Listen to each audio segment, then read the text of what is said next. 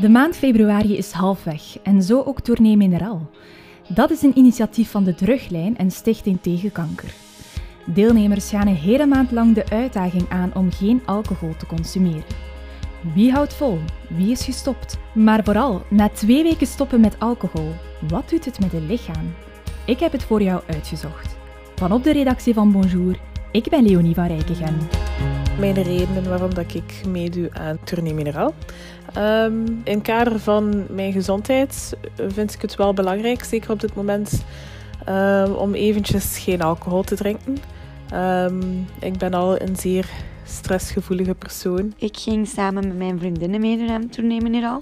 Uh, maar na drie dagen zaten we al terug op café en was het mislukt. Een hele tijd niet drinken heeft wel uh, een positief effect op mij persoonlijk dan. Omdat ik uh, toch fitter en enthousiaster ben. Ja, dat lukt goed, maar ik ging juist dus um, voor het weekend op weekend met mijn vriendinnen. Toen heb ik mezelf al voorgenomen dat ik mocht drinken. Um, maar ook in veel minder dan anders. Een maandje niet drinken voor tourneemineraal is een leuke uitdaging en goed voor het lichaam. Maar Emma, die geeft er al langer de brui aan. Ze drinkt nu al een jaar niet meer. Ik ben vorig jaar in oktober naar een feestje geweest en daar was het toch wel vrij stevig. En toen ik de volgende ochtend wakker werd, voelde ik mij zo slecht dat ik dacht van nee, dit gevoel weegt niet op tegen de leuke avond die ik heb. Dus dan dacht ik van ik, ik ga minderen sowieso. Ik wil mij nooit meer zo voelen. Um, en dan heb ik gezegd van in mezelf, ik ga ermee stoppen. Nu niet zo heel um, strikt van nu nooit meer. Um, maar het was wel sowieso minder. Ik ben in oktober niet helemaal gestopt, maar in april ben ik nog op reis geweest en daar waren de cocktails heel goedkoop. en ik dacht van, oké ja, eentje kan wel geen kwaad.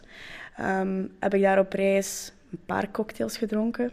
Maar eigenlijk besefte ik toen ook al van, nee, ik heb hier geen behoefte meer aan. Mm -hmm. Dus dan, dan dacht ik van, nee, nu stop ik. En ik denk dat ik eigenlijk uh, sinds april echt ben gestopt. En nu zijn we februari, dus bijna een jaar. Ik zeg nooit nooit, hè, misschien in de toekomst, maar ik mis het echt niet. Nee, mm -hmm. ik, ik zou zelfs zeggen dat ik mij meer amuseer. Met de periode dat ik toen dronk, merk ik eigenlijk niet zo heel veel verschil. Want nu dat ik niet meer drink, um, ga ik nog altijd graag op café met vrienden. Ga daarvoor niet thuis blijven. Maar ik voel wel verschil in mijn lichaam dan. Um, toen ik gestopt ben, ben ik drie kilo afgevallen. En ook bij het sporten uh, voelde ik wel echt een verschil. En als ik bijvoorbeeld terugkijk op foto's van toen ik wel nog dronk, dan zie ik dat mijn gezicht veel opgeblazen is. Uh, meer opgeblazen is dan in vergelijking met nu. Als ik een avond wegga met vrienden, uh, ben ik meestal Bob omdat ik dan niet drink natuurlijk. Uh, maar eigenlijk verloopt die vrijwel hetzelfde. Um, ik merk wel dat er... Soms voel ik mij wel eenzaam als ik niet gedronken heb.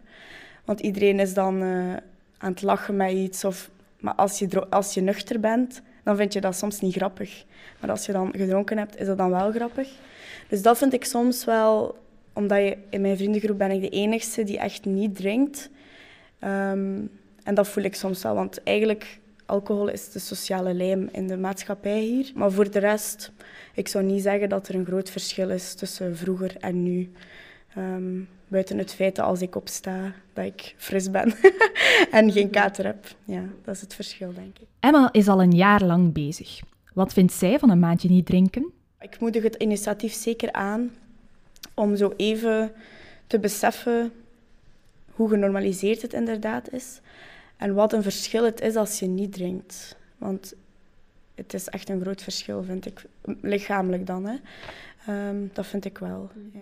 Als ik advies kan geven aan mensen die willen stoppen met drinken, misschien begin klein. Ik ging er nooit over, dat nu niet. Maar als je dat wel doet, dan zou ik zeggen begin klein. Ja. Ik denk dat je daarvoor, als je zegt ik stop, ook wel sterk in jouw schoenen moet staan, want mensen hebben sowieso commentaar. ik ben al gewend om met de commentaar om te gaan. Um, ik, weet, ik weet wat ik wil en dat is niet drinken.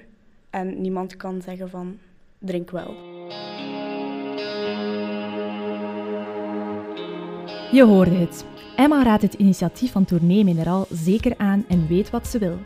Wie nog niet overtuigd is, luister best nog even verder, want ook de wetenschap bevestigt de ervaringen van Emma. Lise Eekhout van op onze Bonjour-redactie. Hey! Jij ging op onderzoek uit bij de dokter Wouter Klaes.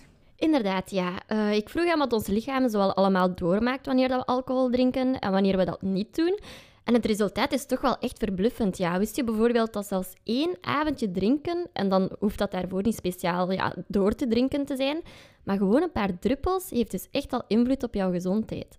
Langdurig alcohol drinken kan eigenlijk heel veel verschillende dingen uh, aan het lichaam beschadigen. Hè. Het eerste waar we natuurlijk aan denken is de lever. Een beetje mijn, mijn veld van expertise. En dat is ook wat we heel vaak zien. Hè. Dus mensen die langdurig heel veel drinken, die krijgen leverschade tot op het punt dat die lever soms niet meer functioneert. Maar het heeft ook nog heel veel heel slechte effecten op andere delen van het lichaam. Hè.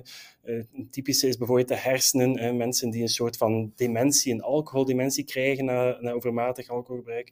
Maar ook uh, bijvoorbeeld heel veel vormen van kanker die mee kunnen um, veroorzaakt worden door het langdurig te veel drinken van alcohol. Dus de effecten zijn niet enkel op de lever, maar gaan eigenlijk over het hele lichaam uh, breed meestal is dat een proces echt van, van meerdere jaren. Hè. Overmatig drinken. Uh, natuurlijk, je, je kan, uh, zelfs bij één grote binge, kan je enorme schadelijke effecten hebben. kan de lever acuut beginnen falen, hè, of kunnen de hersenen acuut in de problemen komen. Maar dat is toch iets, iets zeldzamer. Hè. Het gaat toch vaak over een jaar lang gebruik van een overmatige hoeveelheid. Het herstelproces kan eigenlijk meteen beginnen na de stop.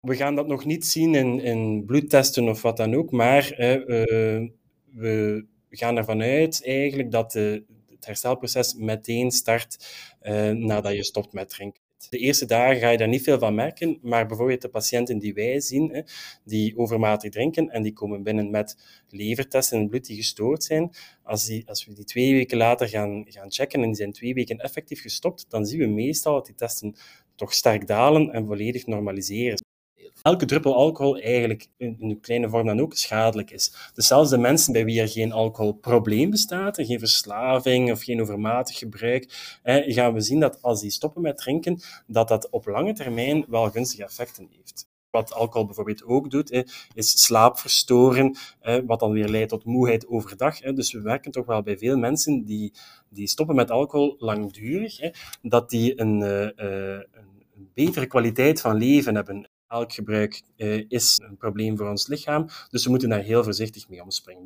Probeer zo weinig mogelijk uh, te drinken. Oké, okay, we gaan natuurlijk uh, niet zeggen tegen iedereen, je mag niks meer, hè, maar ga er toch bewust mee om met wat dat je in je lichaam stopt. Alcohol drinken is dus inderdaad niet zo onschuldig als het lijkt, hè?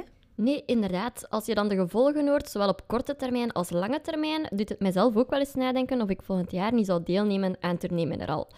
Zeker, ja, die betere nachtrust, energieker zijn, uw levenskwaliteit dat erop vooruit gaat, dat lijkt mij eigenlijk wel echt iets. Ja, ik zou het misschien ook wel eens proberen. Dit was Bonjour Micro, de podcast van UGent waarin we ons journalistiek informeren over de actualiteit. Vond je deze podcast fijn, dan kan ik je aanraden om je te abonneren op de nieuwsbrief van Bonjour of neem een kijkje op onze Instagram @bonjourugent. Daar ontdek je al onze podcasts.